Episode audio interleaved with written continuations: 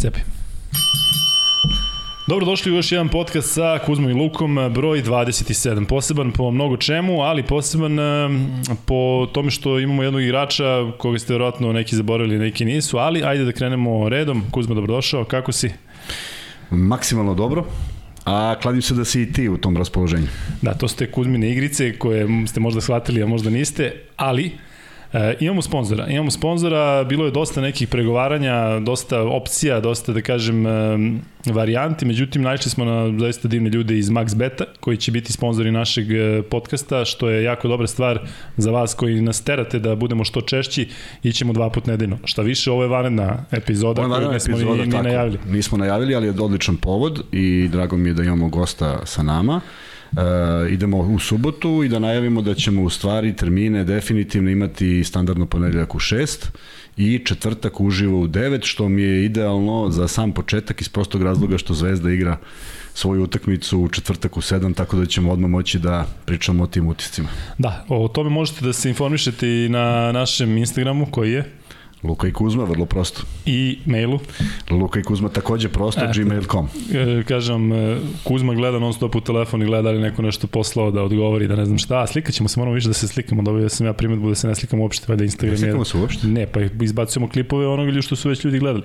Znači ono ti kada ideš u prodavnicu ili ja kada idem u poštu i sve. Pa, biće 200 snimaka samo da. danas. Ovaj dobro, e, toliko što se tiče toga, kažem još jednom MaxBet je e, naš sponsor i to znači da ćemo i tehnički neke stvari da pojačamo. Imaćemo čak i e, to ćemo videti možda već u sledećoj emisiji, ali imaćemo i nagrade za vas posebno u varijanti kada idemo u live-u, dakle, bit će prilično zanimljivo i sada ćemo, ajde tako da kažem, malo da uozbiljimo, zato što je ovo bilo do sada za moju i za Kuzminu dušu, gosti su nam dolazili sami, mi smo bili nekako da. goste, a sada ćemo, ovaj, sada ćemo stvarno imati nekoga koga vi tražite, a nije baš ovaj, isključivo moje i Kuzmino, a imat ćemo atraktivni gosti kao što je i gost danas, ali prvo samo da se... Ček, samo si razumeo maksimalno kad sam rekao maksimalno? Kako nisam razumeo? Nisam razumeo. Či... Odgovara čovjek, odgovara stvarno. Maksimalno, ovaj, Mislio sam da nećeš odgovoriti, samo ćeš me pogledati. Ne, ba maksimalno, kladim se, ovo sve sam ja razumeo. Broj 27. Broj 27, broj 27, tako ajde prvo da prođemo to. Broj 27 je nosio ko? U NBA vrlo nepopularan igrač, Zaza pa, Pačulija. E, I nismo naši mnogo o, 27-ica, ako neko ne računa, kako si rekao, Sailorsa iz 43. Marvin Barnes, Stekom, Casey Jones. Hall of Famer. Da, da, jeste, Hall of Famer 80-ih, da. On je bio, ali ne sjećam ga se baš. Kenny Sailors. Kenny Monar, Kenny, Sailors, Kenny Monari. 43. da. 43. On je izmislio skok šut. Vidiš? Eto vidiš, 43. Vi šta saznam? Kako su, kako su štili do 43. Ako Samo sa zemlje, niko nije smeo da skoči. Ove, ovaj, ali e, Zaza Pačulija koji je uzeo dve titule je, kažeš, nepopularan, ali za njega važi priča da je ekstra momak. Ali ozbiljno da, da, da, ne, ka, samo kažem nepopularan iz prostog razloga što se desilo što se desilo i prljav, da, ali išao je na varijantu, onu, onu evropsku varijantu, sve što je dozvoljeno, ja ću da. iskoristiti, da. to u NBA-u ne prolazi. Međutim, umeđu vremenu smo saznali ovaj, za mnogo interesantniju 27-icu, a to je Stefan Marković. Da, saznali smo dva minuta pre ovo. Saznali smo kao da, kao da, da, gledamo, da se krije. Gledamo 50 utakmica godišnja. da, ali nije Stefan Marković nije gost, da znam. Ovaj, da, nije rekao dobar dan, ja, ja nosim 27, ja nosim 27 pa da dođem. Ali da znaš za Zazu Pačuliju da je on s Westbrookom imao neki problem i onda Westbrook rekao, ne znam, znaš što priču. Nešto je stao iznad njega, udario ga, pa je stao ja iznad njega, vanje, 96, zna. 96 je moja.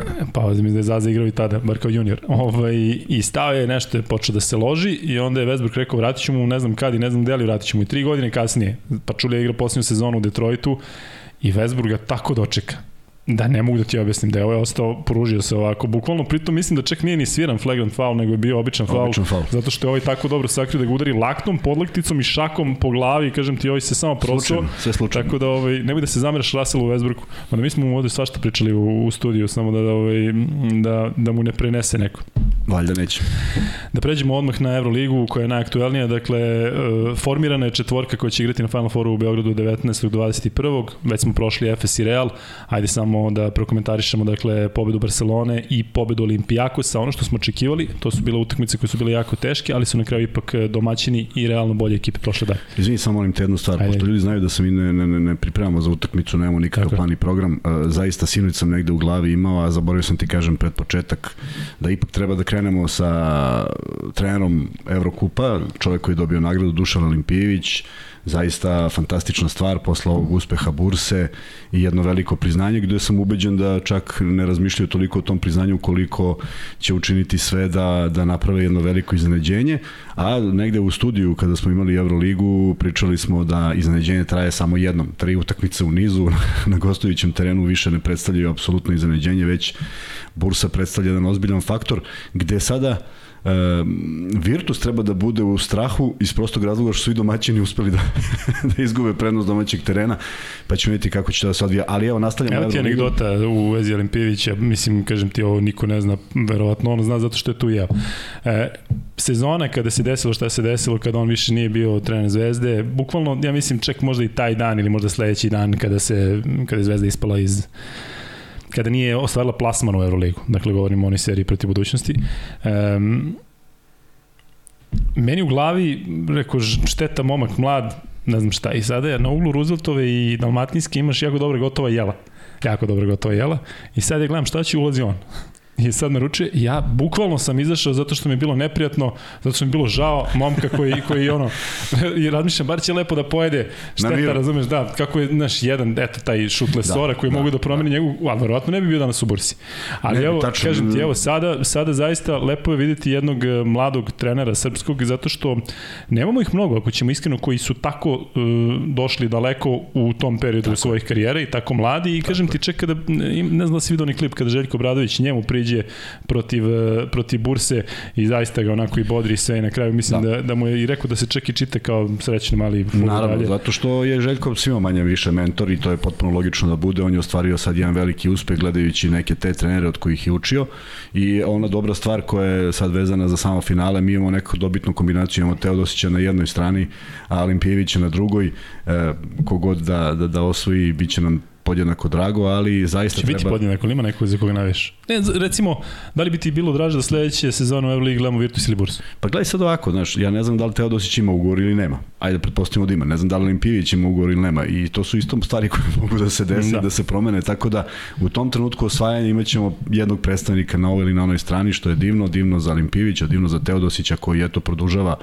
neke svoje kvalitetne partije, ne više u Euroligi, ali u Eurokupu svakako. Međutim, zaista mislim da treba budu zabrinuti igrači Virtusa na način na koji, na koji igra Bursa i prosto mislim da nemaju nikakav respekt, čak ni onaj minimalni prema protivniku, jednostavno gledaju sebe, igraju svoju igru, ne obraćaju čak i mnogo pažnje na suđenje i to je jedna divna stvar jer su, jer su sada već dovoljno samouvereni da da, da, da ne znam koju prednost mogu da dam veliku Virtusu bez obzira na domaći teren. Sklopilo se, sklopilo se dosta toga Virtusu. Znaš da smo rekli kada su Šengelije i Heke došli da su poremetili, ali nekako su ne, možda sačekali. Ali vidi, došli... su Ulm na, na zaista volšeba način. Jesu, ali zato protiv Valencije je bila su zaista partija su i sve vreme držali na distanci. Valencija kod kuće, kažem ti, za mene evroligaški tim, da. tako da pohvale za Virtus, pohvale za Bursu. Da pređemo na Evroligu, Olimpijakos i Barcelona, da li je to za tebe iznenađenje?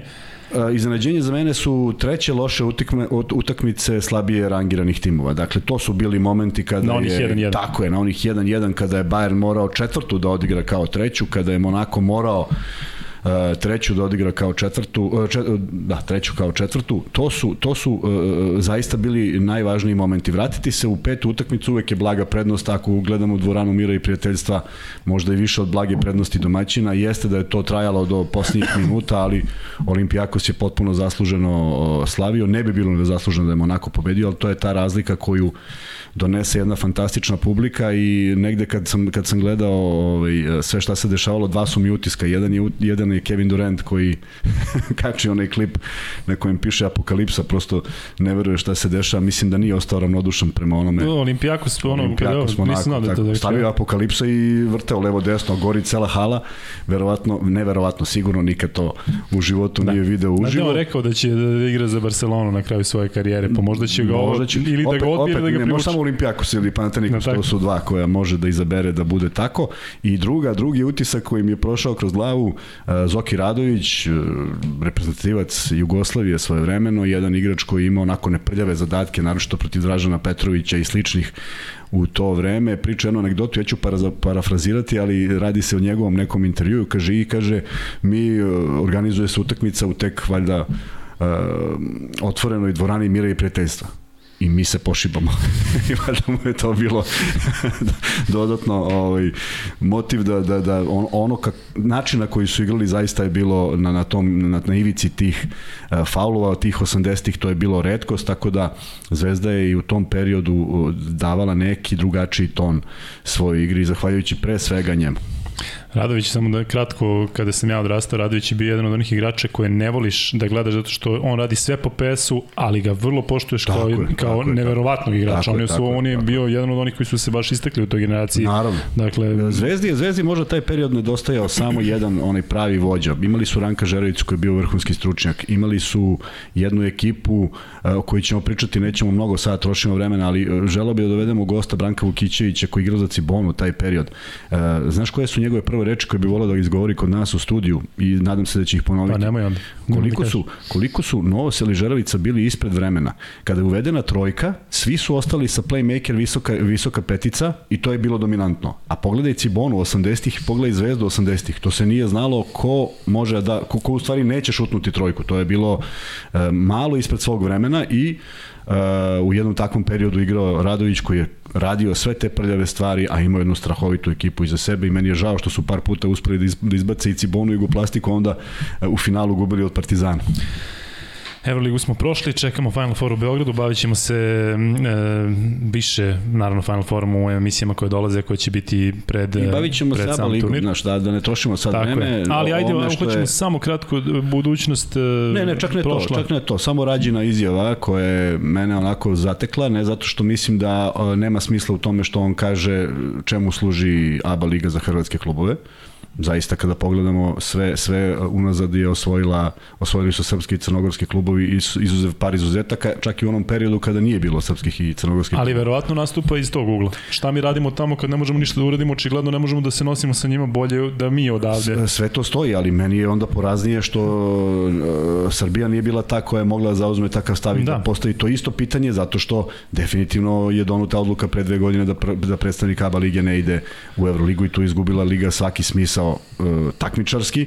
Uh, Zvezda je u tom periodu uspela da napravi jednu fantastičnu stvar, a to je da bude zaista partner u svakom smislu uh, Euroligi, ne samo zbog kvaliteta utakmica koje igra, nego i ove nagrade koje su dobili za marketing, to Euroliga ne deli zato što im je dosadno, verovatno, nego zato što su to neke zasluge koje Zvezda imala, pre, prepoznaje se strukture uh, uh, struktura kluba i onda su to neke stvari koje te zaista uvode u taj sistem koji to zna da prepozna i da ceni. Prema tome, e, zaista u ovakvim odnosima vidjet ćemo, čeka nas burno leto da vidimo šta će se sve izdešavati, ali mislim da je negde e, moment da se neke stvari promeni. Samo kratko CDVita i budućnost prošli dalje, očekivali prošli, smo 0-2. Da, ali onda, onda očekujemo i da krene serija ranije, što je, što, da. jer to je, to je onaj plan i program koji vidjet ćemo kako će da funkcioniše. Verujem da se svi raduju u menadžmentu ABA lige što je 2-0, pa može malo ranije da se krene. Vidim da za vikend počinje i KLS po formatu koji mi je, zaista mi je trebalo malo vremena da ga protumačim. Mislim da sam uspeo da ukapiram. Mislim da sve to igračima dodaje E, dodatno opterećenje, e, igrači Zvezde će imati pik sada, počinje, počinje jedna ozbiljna, ne govorim samo igračima Zvezde, svi, svi učesnici polufinala, play-offa imaće pik sezone, jer to je ono što je, što je najvažnije i onda odjednom posle toga ponovo podići ekipu i za još jedan pik. Nije to nešto što možeš da radiš baš svaki dan i ono što želim i što pričamo od kad smo počeli podcast i pričamo u, u, Euroli, u Euroligaškim emisijama tokom godine, samo da budu zdravi, da nema povreda. Zvezda je ove godine imala zaista ozbiljne probleme i mislim da je to jedan od glavnih razloga zašto nije korak više i u onom u onih osam koji su mogli da budu i u samoj završnici. Taman si napravio pravu vertiru za naše gosta, dakle u podcastu u broj 27 sa Kuzom i sa Lukom, gost je Luka Mitrović, košarkaš Crvene zvezde. Luka, imenjače, dobrodošao u naš podcast. Bolje vas našao, hvala Ajde. na pozivu. Prvo Prvi da pitamo, podcast. tako je. Prvi, ruki. Prvo da te pitamo ovo nešto što je povezano sa onim što je Kuzma pričao, reci mi kako si. Uh, Mislim dobro. na zdravstveno stanje i inače? Uh, dobro, hvala na pitanju. Uh, vraćamo se polako u taj playoff mode, uh, štimujemo glavu i telo za, za ovo što nas čeka. Malo specifična situacija u ovom periodu sezone, prvi put maltene ovaj, da se susrećemo sa takvim rasporedom, da je tolika pauza i potrebno je vratiti se posle tolike pauze i kao što sam rekao, pripremiti i glavu i telo za ono što te čeka. Luka, sada kada je Evroligaška sezona iza vas onako prilično, sada kada su se stvari slegle, kakav, kakva je ocena dakle, te sezone? Zaista ste svašta prošli, ne samo vi, već cela ta sezona sa covidom, sa svim tim stvarima, onim što je vas zadesilo sa silnim povredama, pa onda sa tim izbacivanjem ruskih klubova, dakle, definitivno istorijska sezona u smislu da zaista nikada... Nikada nećemo, se ništa nije slično desilo. Nikada nećemo imati kombinaciju da se rat i COVID ukrste. Možda će nešto treće, neki vanzemaljci ili nešto, ali kažem ti nešto da tako se desi u sred sezone i kažem, mi stalno ovde pričamo kako to utiče na igrače koji, koji, koji imaju takav ritam, pa se onda takve neke stvari dese. Ajde nam reci sada ti taj neki opšti utisak kako je sve to prošlo sada kada, kada, kada je iza vas. Uh, pa ajde ovako, gledajući uh, prosto i gledajući naš rezultat uh, kroz skor u Euroligi možemo reći da je to bila jedna solidna ili dobra sezona za nas u, u, u evropskom takmičenju uh, kada se uđe u malo dublju analizu i kada se pogleda da li smo mogli više, da li smo imali šanse za više, definitivno smo imali. Uh, bilo je objektivnih razloga zbog kojih se to nije desilo, pre svega tu mislim na, na neke zdravstvene, zdravstveni bilten, povrede, e, igrača u ključnim momentima ovaj, e, sezone nakon izbacivanja ruskih timova otvorila se šansa, bili smo blizu, par pobjeda nas je delilo, ali eto, ostali smo bez e, nekih jako bitnih igrača u rotaciji, e, u poređenju sa drugim ekipama nemamo tu dubinu, dubinu u rosteru da kada god neko ispadne neko, neko je drugi tu da uskoči da, da, da pokrije te nedostatke jednostavno onda ve, mnogo veće opterećenje pada na, na, kod nas na ostale igrače a to e, u ovakvom ritmu i protiv ovakvih protivnika jednostavno nije išlo i mislim da su ekipe koje se našle u play-offu i uh, pokazale kroz play-off da su zasluženo tamo bile. E, mene zanima jedna druga stvar, verujem da zanima i gledalci. Bio sam na evropskom prvenstvu baš u dvorani Mira i prijateljstva gde ste savladali Olimpijakos, pa smo se šalili da smo da je reprezentacija Srbije košarke u kolicima načela e, taj teren pobedom a, imali smo bezbroj onih PCR testova. Kako to utiče uopšte mentalno? Ti odlaziš na, na gostovanje gde ne znaš šta možete e, snađe, ne ideš u istom sastavu, ne ideš čiste glave. Kako, kako uopšte to izgleda? Pa upravo to, e, otprilike mi se zezamo, igraš od, e, živiš od, od testa do testa i svaki test je lutrija, ovaj, lutrija, treseš se kada će da krene i kada krene jedan, onda nema, nema kraja, ispadne pola ekipe, to se nama desilo u jednom veoma nezgodnom momentu, ukoliko uopšte postoji zgodan moment za to, uh, u jednom momentu gde smo mi igrali zaista fantastično tamo negde pre nove godine, uh, bili u dobroj formi, uh, ispustili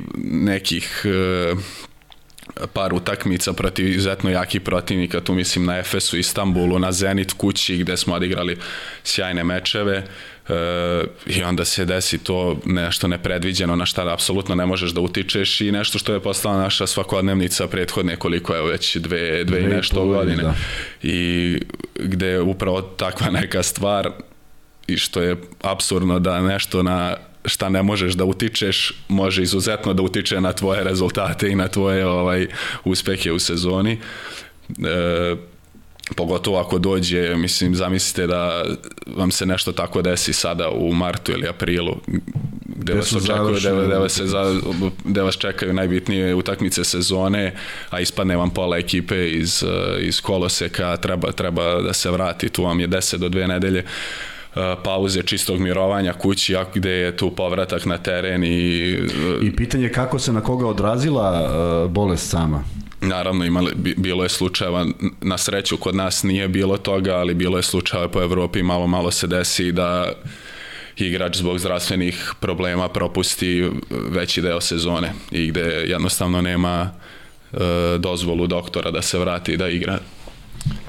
Tako da, da uh, gde sam, ono, malo sam, malo sam odlutao. ne, ne, sad ću da te vratim ja da mi kažeš samo, um, baš taj period u karantinu, kako to izgleda za nekog profesionalnog sportistu koji je navikao da dva puta dnevno bude ili na terenu ili da neko bude uključen osim kada su kada su ti neki dani pauze koje ne znam koliko godina koliko tokom sezone imate ali e, kakav je to osjećaj kada ti praktično sediš ne možeš ništa da radiš, da li se okreneš onome, pa dobro, barem ću sada da odmorim, šta se dešava u glavi? Pa dva dana e, si u fazonu, u, pa dobro, ovo nije malo loše, odmariš se od koliko je bilo utakmica, treninga, putovanja, sam malo sam kući, sam sa sobom, imam vremena za, za sve, ali onda kad pogledaš malo dublje e, iz iz onakvog ritma gde vam je telo ovaj pod velikim opterećenjima i gde ste uh, izloženi brojnim utakmicama i da se dobro osjećate na terenu, onda upadate u, ritam, upadate u period od 10 dana, dve nedelje, koliko god, neko manje, neko više, apsolutnog mirovanja. Svi od nas su nešto radili kući, ali šta je to u poređenju sa onima što, što, što ste radili do tada? O, da možeš da odradiš par nekih vežbica u, u dnevnoj sobi, to je to i to se i tekako odrazi ovaj, e, i na telo i na glavu.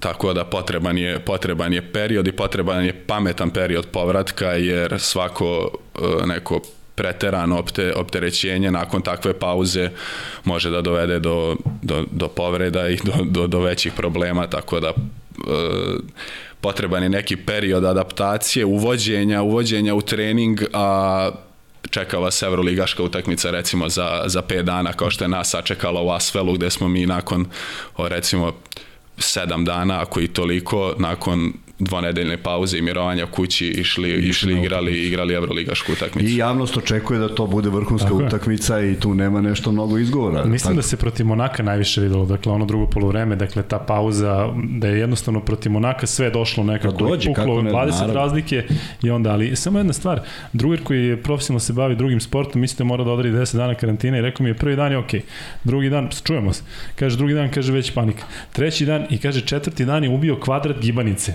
Znači, kaže, on kaže, ma baš me briga više za ovo, kaže, barem ću je sebi. Jel bilo takvih trenutaka da kažeš sebi, ma bre, sad ću da uradim nešto što je mimo onoga na što sam navik? Pa bilo je sigurno, ovaj, kad znaš da, da imaš fore malo, ovaj, ali opet... Daš neki odušak, ne može Tako to. Je, ne pa da, može moraš to... sebe negde da, da, da, da izbalansiraš. A opet treba biti pametan, kao što sam rekao. Jer događaj, to... Ti imaš jedan lep događaj koji se desio?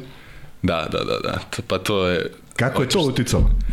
Hoćeš ti ili ne, ja? Ti, Pa, ja nisam mnogo u javnosti pričao o tome i stvarno trudim se da svoj privatni život sklonimo do, do ovaj, očiju javnosti od, od, od početka, od kad sam počeo da se bavim uh, profesionalno košarkom, tako je bilo i ovaj put, ali eto, nekako to uvek ne, nemoguće je da, da današnje vreme ovaj, sakriti bilo šta. E, neka nova, nova uloga za mene, nova odgovornost, nove obaveze, ta uloga oca i nešto Divno. što je nešto što je zaista prelepo i u čemu uživam za sada. Čestitamo njimi. Hvala. Da, divna stvar. E, u, u moru ovih uh, opterećujućih stvari, jer teško javnost može da prihvati ovo o čemu Luka priča. Uh, svako očekuje E, maksimum od tog igrača. U broju utakmica, u samom broju utakmica, mimo covid ti moraš da traješ ozbiljan, ozbiljno vreme. E, moment za prekid, e, za obaranje forme, ono što kondicioni treneri i uopšte stručni štab radi, na, to su momenti kad dolaze lakše utakmice. ko, je, ko je lakše utakmice? Ne. Što kaže Luka, nemaš nikad kompletan sastav pa da kažeš neko će da, neko će da uskoči, neko će da odmeni i ja mislim da je Radonjić ove godine imao u, u šest utakmica u totalu kompletan sastav što se i takako odrazi na sam učinak i, i znam koliko igrači, sad uvek, ja uvek govorim iz vizure igrača, znam koliko je opterećenje kad ne daš svoj maksimum, kad, a da nije uopšte do tebe, jednostavno želiš najbolje, ali prosto na terenu se sve dešava kontra, jako je teško e, vratiti se brzo i zato mislim i slažem se potpuno sa konstatacijom da je ova sezona prilično uspešna bez obzira što je neko možda očekivao više, ali stice okolnosti je bio takav i ako uzmemo samo činjenicu da su od početka sezone bili Davidovac i, i, i e, Dobrić van stroja. Što, ja mislim da i Lazić nije počeo sezonu ili je možda kasnije. U svakom slučaju to su veliki problemi za jednu ekipu koja je koncipirana na ovaj način. Ali mislim bolje Luka da priča o tome, ovo su da. moje utisci. Luka, dva pitanja još koje su vezane za tu, ajde kažem, blisku prošlost. Prva, um, opet je vezano za Euroligu. Kakav je sada osjećaj kada znaš da je Final Four u Beogradu? Da li ćeš uopšte to pratiti ili će ti biti nekako svima vama, ja, mogli smo možda mi u onom periodu, zato što ste vi stvarno igli dobro i pre covid ali posle toga ste imali veliku šansu natačali biste verovatno na, na Barcelonu, ali taj Bayern koji ste vi pobedili ovde je imao zaista šansu da, da prođe dalje, vodi u toj petoj utakmici. Kakav je to sad osjećaj? Da li ti pratiš Final Four kao navijač, kao gledalac ili kao neko ko kaže pa čekaj, evo sad smo mogli mi?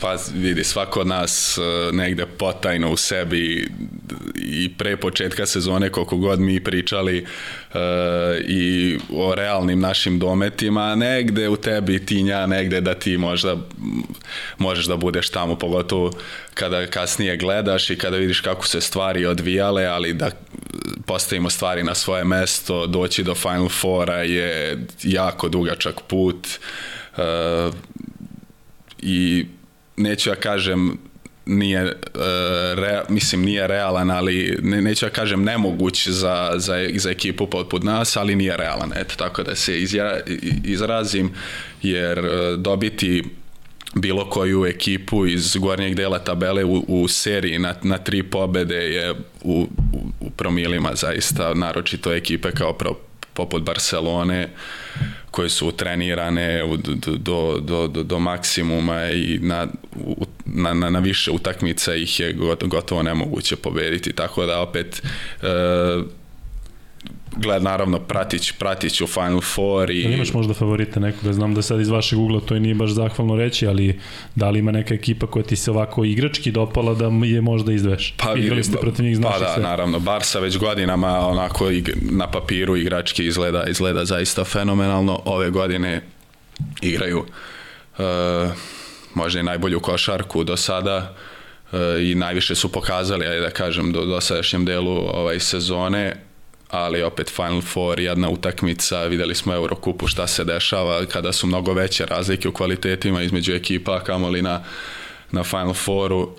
Efes onako individualno kada, kada ih pogledate ta, po talentu i po, po poenima u rukama možda najviše imaju a nekada je to i ono što, jedino što je dovoljno ovaj, na ovakvim formatima takmičenja kao što je Final Four. E, poslednji, ajde da kažem, taj nešto vezano za Euroligu je taj highlight. Mislim da će ova sezona ostati upamćena što se tiče Zvezde, između ostalog i po tome da je Luka Mitrović morao da, nos, da se nosi sa igračima koji su veći više od njega. Dakle, da, Luka je momak koji, koje... kada smo se pozdravili, koji je malo više od mene. Kako si uspevao sa onim zverima u Euroligi da se nosiš uh, cele sezone? Da li je to uopšte u, negde na početku bila opcija ili je nekako prirodno došlo sa tim povredama i sa svim problemima koje ste imali? Pa ja sam se E, reci, ajde da kažemo, te sezone povratničke nakon moje operacije u Mursi i kasnije u Manresi, tu je već negde počela moja tranzicija sa četvorke na peticu. Tu su me treneri skretali pažnju da bi u ovom trenutku možda više mogao da doprinesem na poziciji pet, e, što je za mene tada bila novost, ali vremenom se naviknete naravno na, na, na sve uloge. Uh, prošla sezona je bila opet sušta suprotnost u budućnosti gde su me doveli kao četvorku i gde sam ovaj, proveo veći deo sezone na poziciji 4, stoga verovatno i nešto ovaj, lošija moja loši učinak individualno.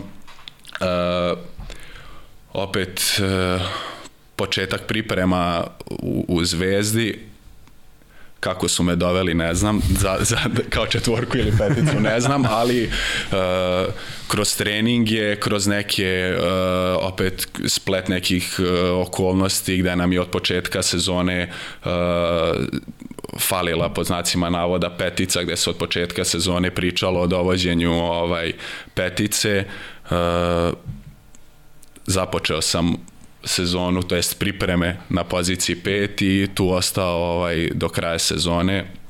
Definitivno najteža e, sezona za mene e, iz aspekta protiv koga sam ovaj koga sam imao na suprotnoj strani protiv kakvih sam igrača igrao opet e, ovo je pričao sam već u nekim prethodnim intervjuima, intervjuima ovo je e, Evroligaški, Evroliga je u poređenju sa svim ostalim takmičenjima zaista dva koplja iznad po svemu. Da, ali koliko se osjećaš kad, kad si, on, ono što, što igrači treniraju, što igrači igraju, oni tako postu, post, to su oni. Nema sada, ne može da se vratiš na nivo ispod. Ti si nabaždaren na taj nivo, koliko je ipak drugačije igrati i to se i videlo u zvezdinoj igri protiv drugih ekipa, koliko dominantnije izgledate, baš iz razloga što si protivnike koje si imao, nema ih u ABA ligi toliko i onda bude, za, ne za nijansu, nego bude kao da izašla evroligaška ekipa protiv ABA ligaške ekipe. Tako ste delovali ove sezone. E, pričaš za ABA ligu? Da. Pa, mislim, to je slučaj bio ne samo ove sezone, nego svih Upravo sezona. To. Znači što ovaj, Euroliga donosi taj kvalitet. Pa, uh, ovde svake nedelje imaš, odmeravaš snage sa najboljim evropskim ekipama, uh, izlače iz tebe, uh, izlače iz tebe maksimum. Uh, E, velika potrošnja i, i, sam, i ti sam postaješ bolji. Mislim, naravno, učiš uh, igrajući protiv takvih Tako. igrača, ti postaješ bolji i učiš i onda je igranje u ABA ligi ovaj, jedno, jednostavnije koliko god da imam koliko god da opet moraš biti na nekom nivou što se pokazalo i ove sezone gde smo mi na par utakmica za malo izbegli poraz u nekim mečima gde smo objektivno bili apsolutni favoriti. Tako da treba držati neki nivo, ali uh, daleko je lakše igrati ovaj nakon evroligaške utakmice, utakmicu ABA lige. Naročito fizički, to, to, je, to, je, to, je, to je osnovna razlika. E, ali još jednu stvar, malo pre kad je Luka pričao i kad si ga ti Luka pitao. Inače, ja sam teo dođu Micovi Lučić, ali on zapeo Mitrović. Ko zna zašto. O, šalim se. E, Shvatit će oni koji znaju koji kako znaju, se zove Micovi Lučić. da, da. O, hteo sam da kažem, zamisli, aj sad zamisli ovo što ga pitao da li je Zvezda i zamisli da stvarno Zvezda uspela da se da se probije. Šta se dešava u momentu kada ti treba da igraš ABA ligu koja treba da počne? Ona ne može da počne sad za dva meseca. Da je Final Four i da je Zvezda na Final Four. Kada se igra... Ne, bilo bi korekcije abali. neke sigurno. Pa klub, klub bi morao da zatraži, to bi morali, morali da prihvati. Onda bi verovatno pretpostavljeno... Ali zamisli onda pauzu koju da. ima koji imaju ostali klubovi. I koliko je prema, da, prema nekome ko nije, ko uključen da. u to, da, bilo bi, bio bi haos, definitivno. Ali kažem haos, ti, ili bi ti imao, mo, mo, ili pod nekom, u nekom rasporedu bi se desilo da igraš Final Four, pa za dva dana ili, ili dva dana pre igraš polufinalnu utakmicu. to je sada zakačilo to sa Evrokupom. Dakle, oni su igrali e, jako bitan meč, oni biti ili ne biti protiv Burse i odmah okrećeš e, da, ali da su prošli, da su prošli, oni bi tako zaista je, igrali dve utakmice između svoje utakmice koje su da. išle na 7 dana. Sve to to, sve to negde E, e, e, ponavljam, ABA liga ne deluje kao liga koja ima svoja pravila. Jednostavno sve ide ad hoc i ti sad gledaš, evo ovo, nije, ovo što počinje danas nije trebalo počne danas da je bila još jedna utakmica, ne danas, desetog igraju Partizan i budućnost, ne bi počela samo da je bila još jedna utakmica koju je trebalo da odigraju FNP i budućnost ili CD Vita i Goke. Ali mislim da su tako nastupili oni u startu da ćemo rešavati u hodu. Dakle, evo sada 2-0, 2-0, ajde, evo sad možemo liga, da krenemo ranije. Ja mislim da je jedina liga koja se rešava u hodu. Ti, mislim, u, u, u u sitnim uh, razmerama tako se dešava u NBA ligi. Ako neka ekipa pobedi 4-0, a ova je isto pobedila 4-0, sastaju se, ta serija kreće ranije. Misliš da, kopiraju, misliš da kopiraju? Ne, ne, ne, nadam se da ne kopiraju. Ali Luka, reci nam ti iz tvog uh, ugla, dakle, bio si u Zvezdi, koliko sada već ima u onom tvom prvom mandatu, prošlo je dosta godina, 7, 6, 7 godina. Da li je ovo sada fizički teže? Posebno sada ti kada si stariji, ali ne govorim iz tog ugla, sada si ti ipak uh, iskusni igrač, zreliji, verovatno i fizički je teško neke stvari prolaziti kao kad imaš 22 godine, ali da li je zaista ovaj ritam to što nama deluje sa strane ubitačan sa sve koronom, sa svim ovim stvarima, ka, kako je moguće izdržati to? Pa, ajde da stavimo koronu na stranu da. i ovaj, do, dovoljno smo pričali o tome. Evroligaška sezona uh, sada i ajde da kažemo one naše prve evroligaške sezone 2004 15, 16, 14, da. 15, nebo i zemlja, ne, mislim, ne, neuporedivo ovaj, mnogo veći broj utakmica, e, mnogo veći broj kvalitetnijih utakmica, kvalitetnijih protivnika, koliko duplih kola je ove godine bilo 7, 8. Da, više nego ikada, tako? Pa da, zato što da. je povećan broj i zato što da, je da. skraćen. A evo, poređenja radi, e, prošle godine sam imao prilike da igram Eurocup po prvi ajde, po prvi put u stvari ovaj, u karijeri i ove godine Euroligu i video sam koje su to razlike ovaj, u, u opterećenju. Prvo što igrate protiv mnogo boljih protivnika, mnogo je veća potrošnja, ne postoji e, ni procenat šanse za neko odmaranje igrača, za neko kalkulisanje. E, drugo što mnogo su manji razmaci između utakmica u Eurokupu, opet igrate jednu utakmicu nedeljno, postoji mogućnost tu da se uhvate neka 3-4 dana između Euro, Eurokupa i ABA lige, u Euroligi kada imate duplo kolo i onda posle uh, domaće prvenstvo u našem slučaju ABA ligu. To ste uglavnom u avionu ili na terenu? Pa ne, znaš ko ti glavu nosi otprilike. A kaži mi sad ovaj period, e, iskoristili ste malo za odmor i za neke treninge koji, koji nisu čak ni mogući tokom sezone, taj intenzitet pa, treninga? Pa drugačije, kao što sam rekao na početku, zaista specifična situacija za nas tolika pauza u sred sezone, a pred najbitnije utakmice ovaj, nije nam poznato, ali ajde, do nekle, mislim, snaga ekipe se ogleda u tome da se prilagodi na sve moguće situacije i da bude što je moguće bolja u takvim situacijama. Tako da imali smo neku pauzu 4-5 dana nakon e, tog posljednjeg meča regularne dela protiv Gokeje uh, lako se glava lak, u, u takvom uh, u takvoj u takvim situacijama u takvom ovaj momentu kada znate da vas za, tek za mesec dana očekuje utakmica lako glava odluta i ovaj treba fokus ponovo. na taj vacation mode uh, i tako da smo se vratili nakon 4-5 dana odmora i trenirali smo jače ovaj, nego, nego inače, jer jednostavno raspored vam to dozvoljava a i potrebno je biti vratiti se i pripre, ritmu, da i pripremiti telo na ovaj su svi zdravi? Uh, pa čekamo Lazu i, i La, Branka Lazića i Dobrića koji su Laza ko, čija se povreda malo otegla i do, Dobrićeva neka sitnija povreda koja se desila pred kraj regularnog dela tako da njih očekujemo ovaj u da se vrate da se vrate ovaj u pre, svega u trenažni full trenažni proces 5 na 5 i nadam se da ćemo ih imati na mislim pot, gotovo sam siguran da ćemo ih imati na raspolaganju do prve utakmice polufinala. Luka, da odmah pređemo na to što vas sada čeka. Dakle, ABA liga, mnogi, e, ajde tako da kažem, i uvek se to, sam znaš, toliko dugo si u Zvezdi, ova dva mandata, svi priželjkuju taj e, susret Partizana i Zvezde koji iz nekog ugla jeste realan. Međutim, CDVita je ekipa koja je zaista odskočila ove sezone kao tim koji niko nije očekivao da će to uraditi. Dakle, svi su CDVita uzimali za ozbiljno CDVita, CDVita. Dakle, znamo šta CDVita Olimpija može. Međutim, oni su zaista imali neverovatan niz i bili čak u jednom trenutku i favoriti da možda se umešaju za, za Evrokup. Kako se pripremate za njih, posebno imajući u vidu da već tradicionalno pa i ove sezone igrate teške utakmice protiv, protiv te ekipe? Da li će ta prednost domaćih terena biti um, ajde da kažem dodatno, uh, dodatno veliki plus za vas? da se dotakne malo CD Vite, e, ekipa koja krenula onako malo sporije sezonu, ali napravili su ja kažem, odlične izmene igrača, znači e, zamene za igrače koje su otpustili su se zaista sjajno uklopile i doneli veliki kvalitet, zadržali su trenera i kroz te neke teške momente u sezoni i što se pokazalo kao pravi pogoda gde su oni do ovog poraza od uh, burse izgledali zaista fenomenalno. Vezali ne znam koliko, recimo 12-13 pobeda da. ovaj, u svim takmičenjima. Ekipa koja posjeduje ogroman e, napadački potencijal, veliki talenat sa mnogo poena u rukama. E, e, definitivno jako težak zadatak nas čeka.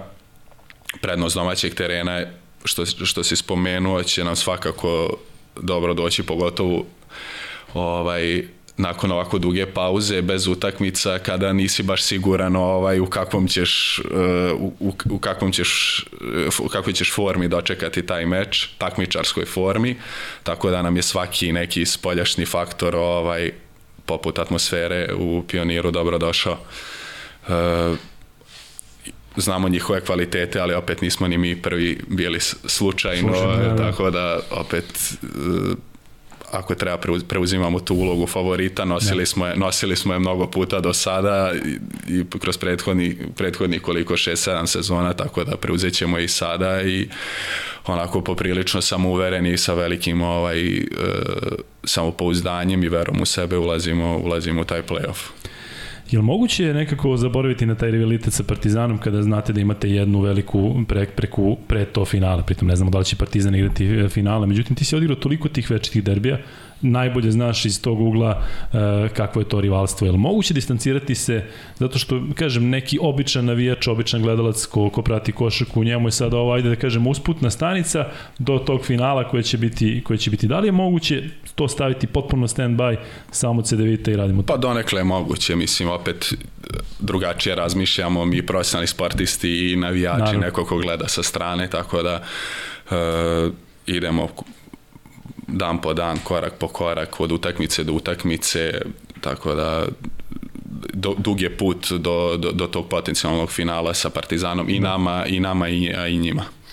Da, i znaš šta, zaista ovi treneri s ovog područja, a tu su obojica i treneri Partizana, pa govorimo sad o celom regionu, uh, ne verujem da iko gleda dalje. Jer vidiš šta se desilo u Evrokupu. Kako je neko ispao, tako je već put do finala bio, da. onda sledeći stepenik. Tako da, zaista nije preporučljivo razmišljati o nečemu dalje, nego se fokusirati i e, verujem ovo što Luka priča, a, a znam da je to tako bilo, s obzirom da smo mi imali isključivo domaće trenere, čak nismo imali strane igrače, niko nije bio tu sa strane, ko nije poznavao taj mentalitet i jednostavno saista se sva priča svodila na tu prvu utakmicu, čak ne šta će biti u seriji, nego ta prva, pola koša, pola koša, da se to završava. E, ono, ono, što, ono što si spomenuo, rivalitet, Luka, e, nekako u, u, u javnosti, ja znam da nije, ti znaš da nije, mnogi znaju da nije, ali nekako u javnosti odnos Crvene zvezde se posmatra eh, kao ogroman rivalitet, čak iz nekih, izlazi iz nekih okvira.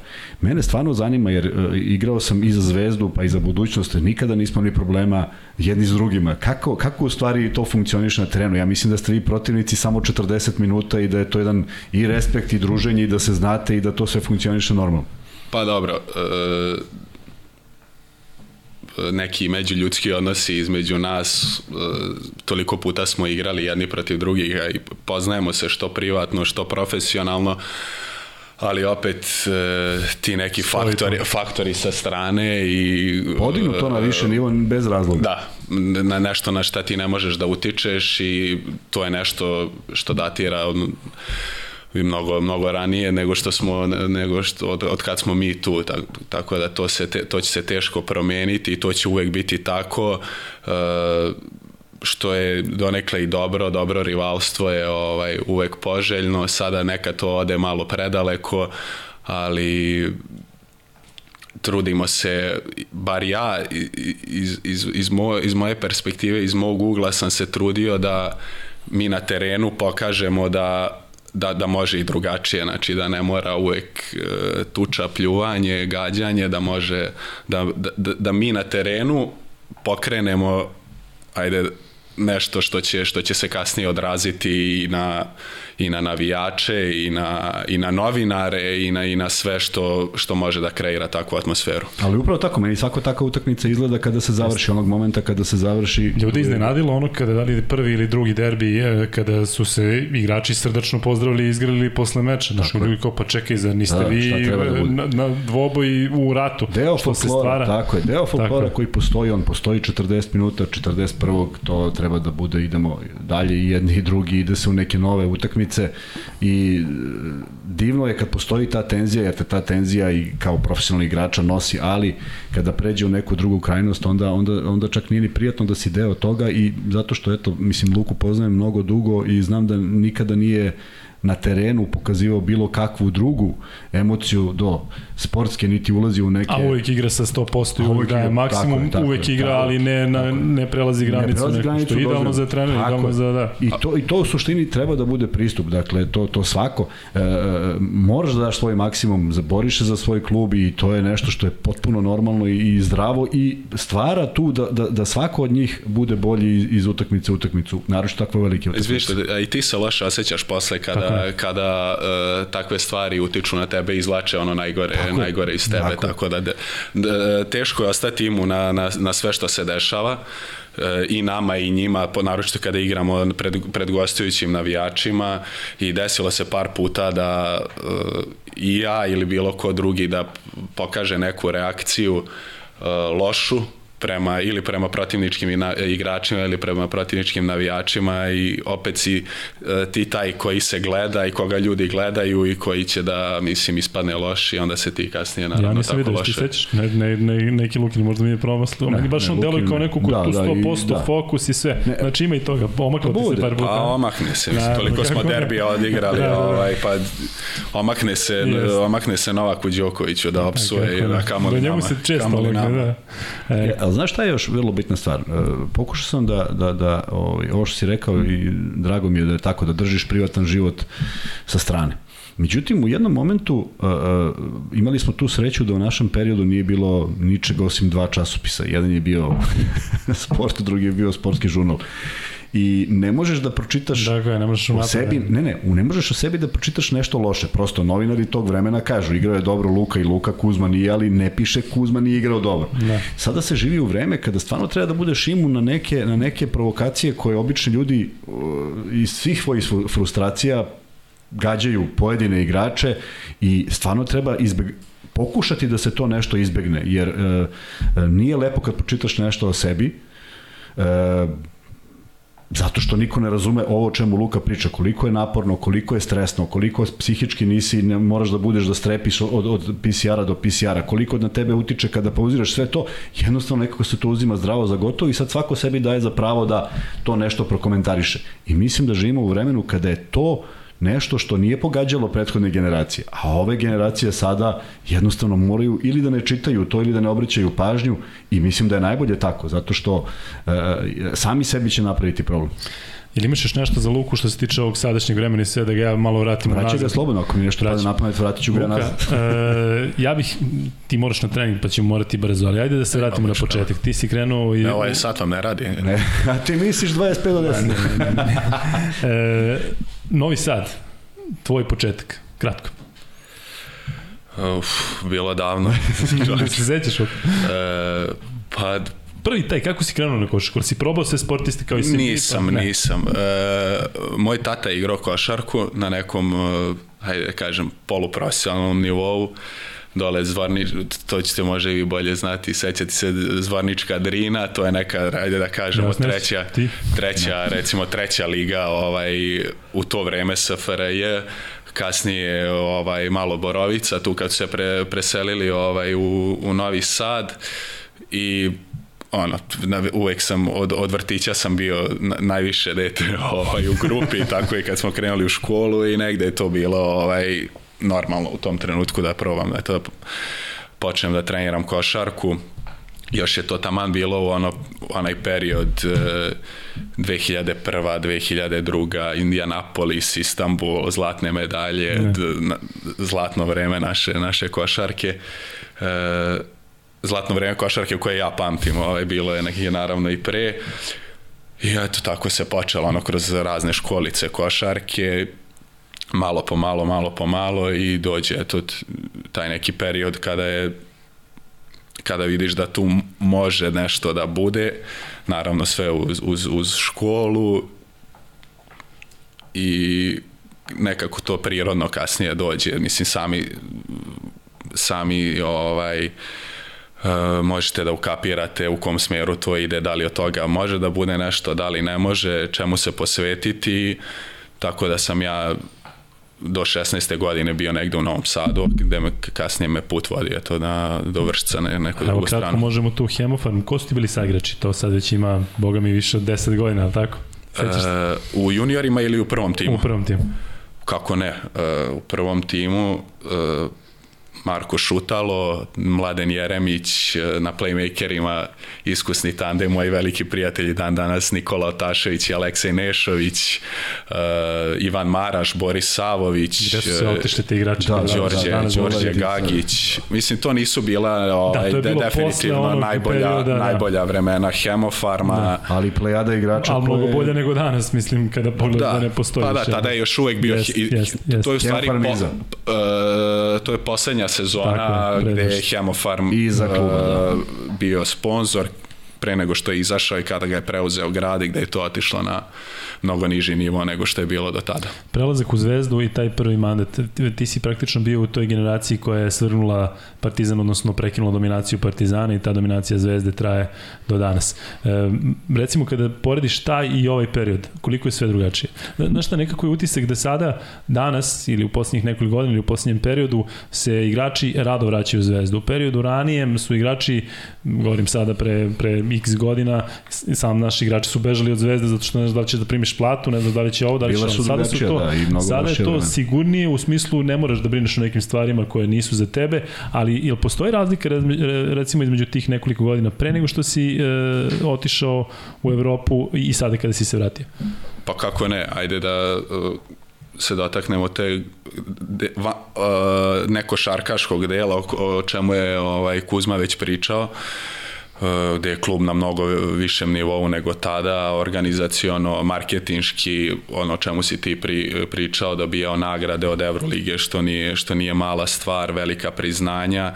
Crvena zvezda standardan član Evrolige, ravnopravan sa svima i gde mislim da zaslužuje respekt eh, velikog dela Evrope. Ovaj. Tako da velika je razlika u tom smislu i što se tiče rezultata, eto tad se postavila neka neki temelj, neka baza za sve ovo što je kasnije dolazilo i na šta su se nadogradili ovi uspesi koji su fenomenalni zaista prethodnih godina. Imao si jedan lep intervju uh, na početku sezone ili da li za sport klub ili gde i onda si rekao opet smo svi na okupu, kao da samo se da. neka, nešto malo vremena prošlo između i kaže opet da, to je to, da. isti igrači. Ja mislim da vas i ove godine, meni tako deluje, s obzirom da sam, da sam bio na svakoj utakmici uh, da ste imali jako dobru hemiju u ekipi, da je to bilo jednostavno zaista jedan za drugoga u onom pravom smislu reči, u kojem ja mislim da jedan tim mora da bude koncipiran. Tu nije bilo velikih zvezda, jeste Kalinić neko ko je uh, igrao i u drugačiju ulogu i u, bio u Feneru i preuzeo negde odgovornost na sebe, ali nekako je zaista delovalo kao da ste tim, koliko god da vas ima,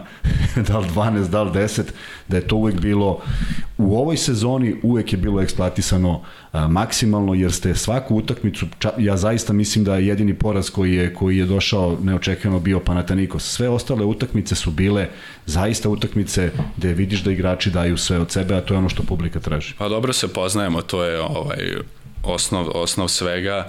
Uh, u poređenju sa tom sezonom recimo 2014-15 kada je dosta lica iz te sezone ovaj i sada tu uh, tada smo još uvek bili klinci, ono 22, 3 gde je godine gde je Bobby, ne Markus je bio najstariji tada po, kao stranac, a od domaćih možda Bobby koji ima 24-5 godina, sada da, je totalno drugačija da, da, priča, da. ipak smo zreli, mnogo zreli kao igrači, ja da ne pričam koliko zreli kao ljudi. E, I eto, ta neka atmosfera sigurno ide iz dobre baze domaćih igrača, to jest dobre baze gde veći deo ekipe čine Tako. domaći igrači koji opet na drugačiji način doživljavaju, ovaj, doživljavaju igranje i klub i igranje ovaj, u svojoj zemlji, u svom gradu a moram tu da spomenem i, i strance koji su zaista fenomenalni momci, fenomenalno se uklopili. Da, baš deluje da, da se slažete bolje, da nisu oni klasični profesionalci koji dođu odrade, ima svoj neki svet i, i tu ste samo na terenu. Pa čak i da je, i, i da je tako, da, da nema nekog privatnog ovaj, druženja, Uh, opet najbitnije ono šta se, da, kako, se, kako se kapirate na terenu i kako se slažete, a tu zaista nema, ovaj, nema greške. Kada smo već kod stranaca 2015. godine, ti si biran na draftu, bio si 60. pik. Da li možda se setiš kao što si se setio Hemofarmu, da li se setiš ko je biran na tom draftu od, ajde da kažem, današnjih superstarova? Ne, iskren da budem, teško. To je bilo, naravno, koji svaki draft ovaj, ajde sad malo možda ovi mlađa populacija koja gleda nek, nek, nek pauzira. e, to je bilo preko leta, ovaj, naravno kao i svaki draft. Ja sam bio u Novom Sadu, e, bio, u gradu sam bio sa društvom, ovaj, pauza, nema treninga, u gradu negde do, do 5-6, tamo kad sam došao kući otprilike u to vreme stiglo moje vreme 60 ja nisam imao pojma da će biti draftovan ja sam radio neke draft intervjue uh, pre drafta ali uh, video sam tamo negde kad su prošla me 40 i neki, 50 i neki uh, pikovi kada su prošli, kada su prošle te ekipe koje su radile intervjue sa mnom, ja sam mislio to je to ovaj, i pratio sam ono... I posetio se provodu, tako? Pa da, u, bio sam u gradu i pratio sam na telefonu, ono, NBA da. aplikacija i pratiš, ovaj, on izbacuje jednog po jednog i kad sam došao kući, ovaj, e, sećam se Ćale bio budan i našao live stream ovaj drafta, nije ga mrzelo da gleda ceo draft.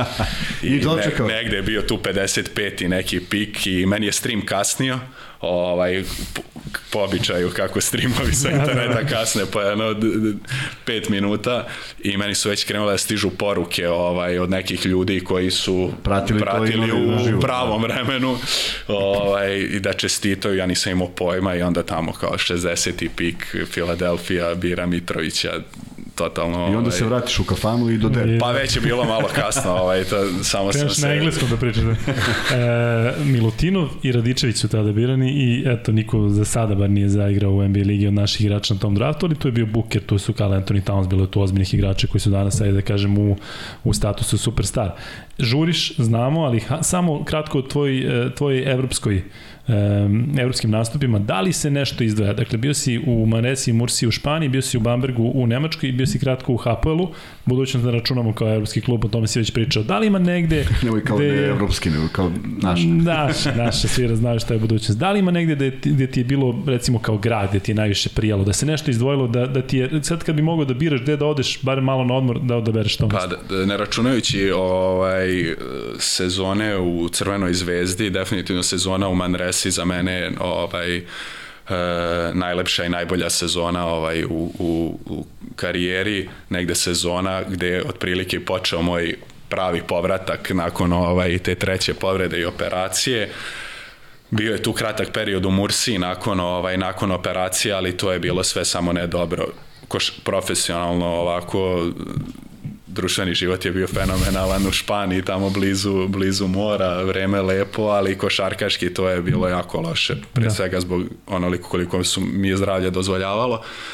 I u Manresi eto neki novi početak, e, nova uloga, dobra uloga u ekipi kod odličnog trenera i zaista sam uživao tokom čitave sezone. Kako je počelo, došao sam e, na probu maltene na mesec dana, sa prvi ugovor je bio na mesec dana uh, i prve u tih mesec dana recimo imate četiri utakmice, ja prve tri utakmice nisam ovaj, ni, ni ušao. Ono, jedna, jedna utakmica u garbage time-u kad smo gubili 30 razlike i dve nisam, nisam što kažu, ni, ni opepelio. Ne. I uh, već sam počeo da se otprilike pakujem i da, da povrata kući, da čekamo nešto drugo centar se povređuje, meni se otvara mesto ovaj, u toj poslednjoj utakmici dva dana nakon istek ugovora, ja odigram jedan fantastičan meč, ni ja ne znam kako, totalno van, van takmičarske forme, ali eto, negde kad se, kad se nešto kad se poklopi, poklopi da. i kada se otvori,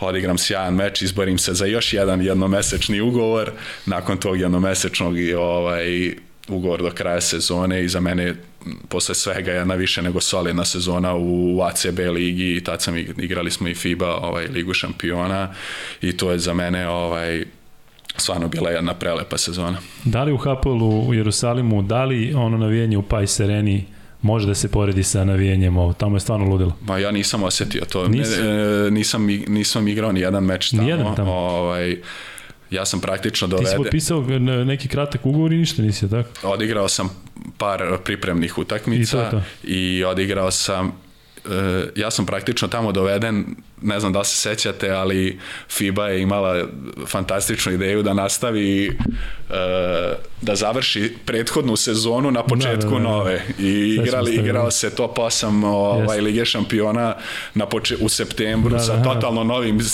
rosterima da, u, da, u samo isto imena klubu. Da. da. I ja sam, uh, oni su imali želju eto, da, da probaju nešto da urade uh, na toj Ligi šampiona u tom, uh, u tom završnom turniru i ja sam doveden samo za to. Ispostavit će se prvu utakmicu smo odigrali, izgubili od Burgosa i to I je to bilo je sve. Bilo.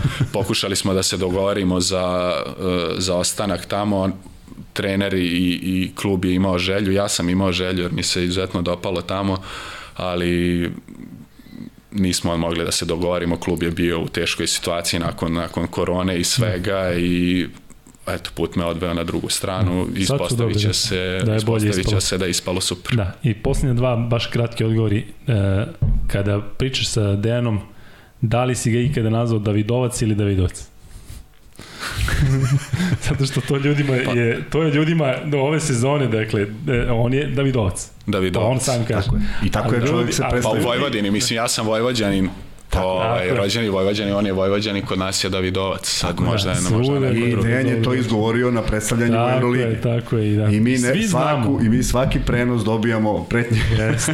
Ali Davidović, prestanemo. znaš, ovde Davidović i onda A, Davidovac. to, ti je kao, to ti je slično kao sa imenom Danilo. Da, Danilo, Danilo i Danilo. Znači, Da. ako ne možeš ti da nekoga ko se zove, možda ga prekrstiš, ali prosto ne izgovara se isto i bude drugačije i značenje. Sava i Sava. Da. Ima hiljadu stvari. Jeste. Ne bi trebalo biraju ljudi takva imena. Jeste, jeste, jeste. da ne bude zabune. Ali, ovaj, ali to je zaista najveća polemika vezana za njega. E, e, pitali smo da i on bude naš gost, tako da će negde u nekom momentu da se Da, pojavi. će bilo bi i da drago kaže da objasni jednom, tako, još da još jednom. Stoti put, kao Da, Heketa, ono je, kad su. Ali pitali ne na evropskom, Da. ne znam Da. ko je, sto puta su ga Jeste, pitali, on je već bio da. u fazonu sto Da, prvi da. da ljudi, prestanite više. Luka za kraj, da li je teže ligaška sezona ili ova nova uloga koju imaš? Šta je teže? Znam šta je draže, šta je lepše, ali mm, kako se snalaziš? Uh, pa, ni, ne znam, jako teško pitanje. Ajde daj mi, daj mi još jednu sezonu, daj mi još jednu sezonu. ćemo- Krat, kratko se poklopilo ovaj, ovaj put, znači ni, taman kad je se jedno završavalo, počelo je drugo, daj mi još jednu sezonu pa ću ti, pa ću ti reći. Hoće, Kuzma, ali ti imaš još nešto, ima jedno pitanje za tebe pre nego što... Pa onda ajde pucaj, da, pošto Da da li mora da ide. daješ tri igrača koji su poput tebe i Luke igrali u budućnosti izvesti? Iz glave. U, iz glave. Pa, U budućnosti zvezdi, pa dobro, Kočević igra u budućnosti zvezdi. Dobro, dalje. Pa igrao je Tomašević u budućnosti. Dobro. Topić, Topić. Topalović, Pa dobro. ih sad ko hoćeš. A da li ima neko da je bio zvezda, budućnost zvezda? Ja mislim da je Luka jedin. Nema mislim niko. da nije bilo tog pogleda. Ima, Ima? ima. Ko? Željko Topalović. Ili jeste? Zvezda, budućnost zvezda. Eto, vidiš. I to smo rešili. Kuzma, imaš nešto? Da, želeo bih da iskoristim priliku da uh, pozovem gledalce da dođu u što većem broju, naprave još jedan spektakl kao što su to činili tokom cele sezone u okviru i Jadranske i Evrolige. Da se zahvalim Luki na odvojenom vremenu, zato što znam da je raspored bio dosta zgusnut i da gledaocima jednostavno kažemo da su naši novi termini, to je termini odigravanja utakmica, Partizan igra 10. maja, a Crvena zvezda igra 12. maja u 19 časova, a naš podcast će ići četvrtkom od 9, dakle uključit ćemo se direktno Uh, ne direktno, uključit ćemo se posle utakmice Crvena zvezda Cedevita i ja se iskreno nadam jednom izvesnom polufinalu. E, Luka, hvala ti puno, ja ti pre svega želim dobro zdravlje, da uživaš e, i u košaci i ovako privatno, to ti je, to naravno podrazumeva i dobre rezultate, tako da hvala ti, nadam se da ti je bilo prijatno kao što je bilo nama. Vama hvala što ste e, pratili ovo, nadam se da je bilo i vama zanimljivo. Ovo je dakle sponsor, čekaj vam. Ne, ne, ta je tako. Pa i mogu bi ti da je pomoći, čekaj, čekaj. Čekaj, gde je moja ruka, ja ne vidim da se, pa nema moja. Ne znam kako da ga... Tu je neki sponsor, tako je. Tu, Evo ga. e, tako, tu, tu će je, biti. Tu je sponsor i Tako tu će stajati. Hvala još jednom Max Betu. Kuzmo, hvala i tebi. Idemo u jednu novu epohu našeg podcasta, može se reći. Mm, da, slažem se. Da. Toliko za ovaj 27. put. Vidimo se sledeći put u... Ti pratiš te termine? U ponedeljak. U ponedeljak, klasičan termin. Hvala.